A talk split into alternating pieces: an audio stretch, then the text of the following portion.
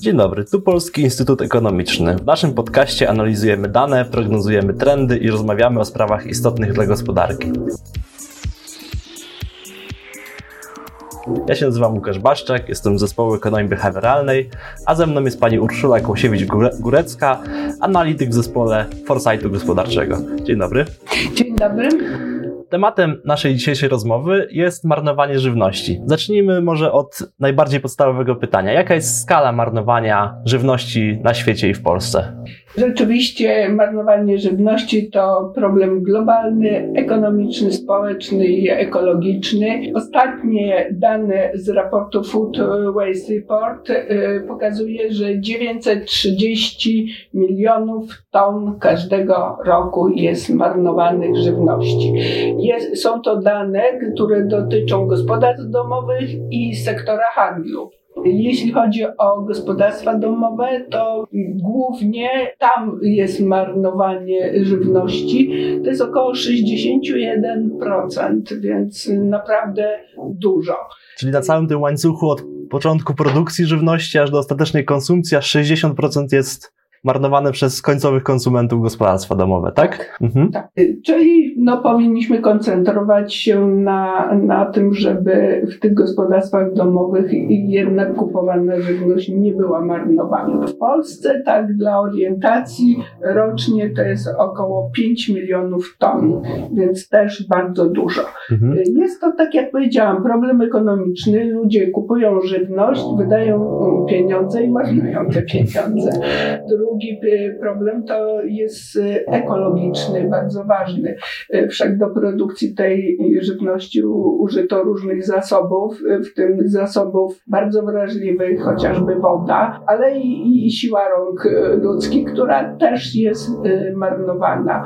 No i oczywiście mamy też do czynienia z emisją gazów cieplarnianych przy produkcji żywności, a jeśli ta żywność jest wyrzucana, no to rzeczywiście mamy istotny problem.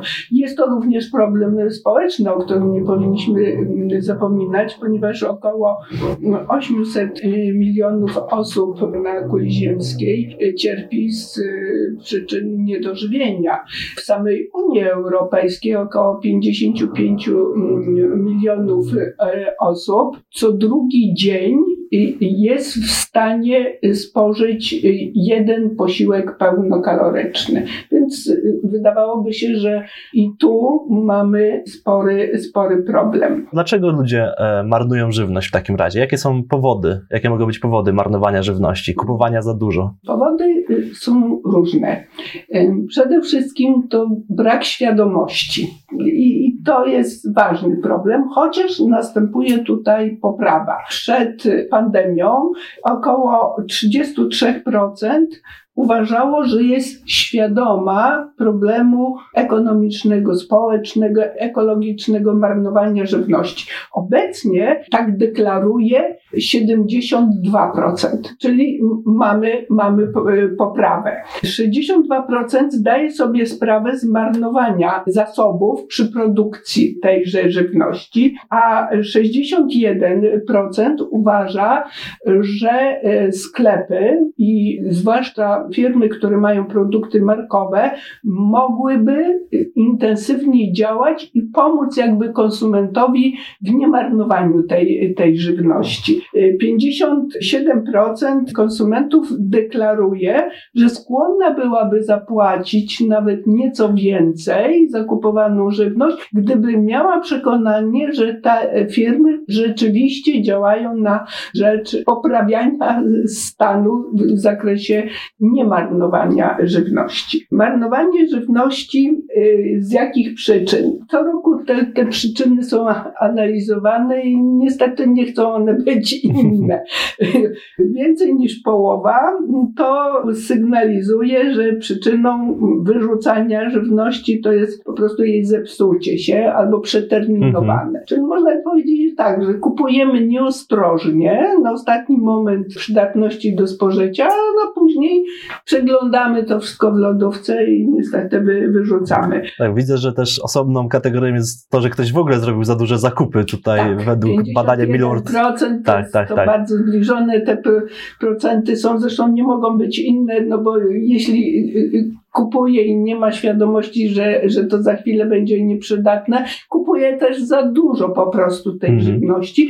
Że ciekawe, że w okresie świąt, gdzie wzrasta właśnie marnowanie y, żywności, to około 30% w stosunku do innych miesięcy, więc tu rzeczywiście czerwone światełko się zapala, żeby, żeby w okresie świąt nie marnować tej żywności, bo 15% konsumentów jeszcze jakby ceduje winę na gości, którzy nie, nie zjedli po prostu tego, co było e, zakupione wcześniej. No jak się nagotuje tyle żywności, to też jest pewnie problem z dobrym przechowywaniem. Tak, lodówki już nie mają miejsca, więc trzeba- się Oczywiście. przechowuje gorzej. Oczywiście jest to, jest to problem i jest to duży problem, dlatego że prawie 40% konsumentów przyznaje, że wyrzuca po, po świętach te, te świąteczne potrawy, które były wcześniej przygotowane. I właśnie około 30% mu- czuje, sam, y, sami czują, że w tym okresie wyrzucają więcej y, żywności.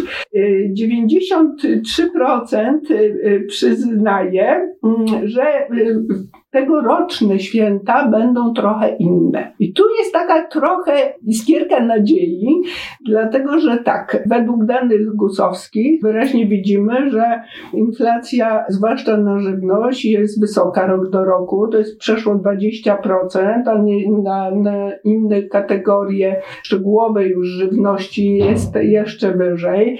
W związku z tym no, konsumenci zaczynają uważać i sami deklarują, że będą bardziej ostrożni. No i to jest to właśnie światełko takiej nadziei. Więcej, bo mówią jeszcze, że będą s- starać się optymalizować swoje zakupy. Y, Mówią, że oczywiście y, mają świadomość tego, że święta będą droższe, zwłaszcza w tym obszarze żywności i według takich szacunków z tej puli takiej szacowanej ogólnych wydatków na jedną osobę w tym roku na święta, to jest około 1400 kilkadziesiąt złotych. Tyle ludzie wydają na jedną osobę na, jedną osobę święta. Na święta. Z Mhm. tego y, struktura to jest taka, że 600 zł, około 600 idzie na żywność, 500 na prezenty i 300 pary złotych na turystykę, gastronomię. No widać z tego, że, że ta gastronomia i turystyka to będą oszczędności, ale również prezenta. Czyli mm, jakby można było powiedzieć tak, że konsumenci będą starali się chronić swój stół wigilijny. Czyli żywność, optymalizowanie, ale będziemy chcieli jednak tutaj jeszcze utrzymywać ten y, y, tradycyjny taki stół, mm, Mhm. stół wigilijny z, z wieloma potrawami. postaw się, a zastaw się. Także tutaj możemy zrezygnować tam z wyjazdu, z restauracji, ale na stole nie może zabraknąć. Ale już chyba delikatniej do tego podchodzą, dlatego że mówią tak, że rozważają, czy przy tej drożyźnie, którą obserwujemy na żywność, przypadkiem nie zmniejszyć jednak porcji. Czyli jakby to samo, ale troszkę mniej. Tu też nadzieja, że może akurat trafimy w potrzeby i goście też się sprawdzą i tego wyrzucania żywności będzie mniej. Inni mówią, że postarają się może zmniejszyć trochę pulę potraw, czyli zamiast 12 tradycyjnie, to może 10. I tutaj takie ciekawostki się pojawiają, że niektórzy deklarują, że y, bez jakiejś większej szkody dla stołu zrezygnowaliby na przykład z, z ryby po grecku. Inni mówią, że zrezygnowaliby nawet z karpia. No i tutaj to jest ciekawostka, czy przypadkiem nam się nie zmieniają jakieś tutaj te elementy z tradycji, no bo ten karp jednak tradycyjną bardzo potrawą jest. Z tego co widzę, przepraszam, ludzie najwięcej po świętach wyrzucają sałatki jarzynowe i chleba. Tak, Więc no. może z tego trochę zrezygnować. E, tak, e, chleb rzeczywiście podrożał. Chleb w ogóle tradycyjnie i w okresie świąt, i w, w, w takim codziennym też wydatkowaniu zajmuje bardzo ważną pozycję, wiadomo.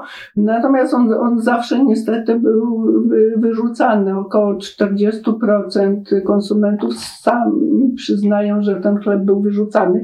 Rzeczywiście ta sałatka jarzynowa się tutaj pojawia, przyszło 50% konsumentów mówi, że ją wyrzuca, ale co częściej niż co piąty wskazuje też owoce, warzywa.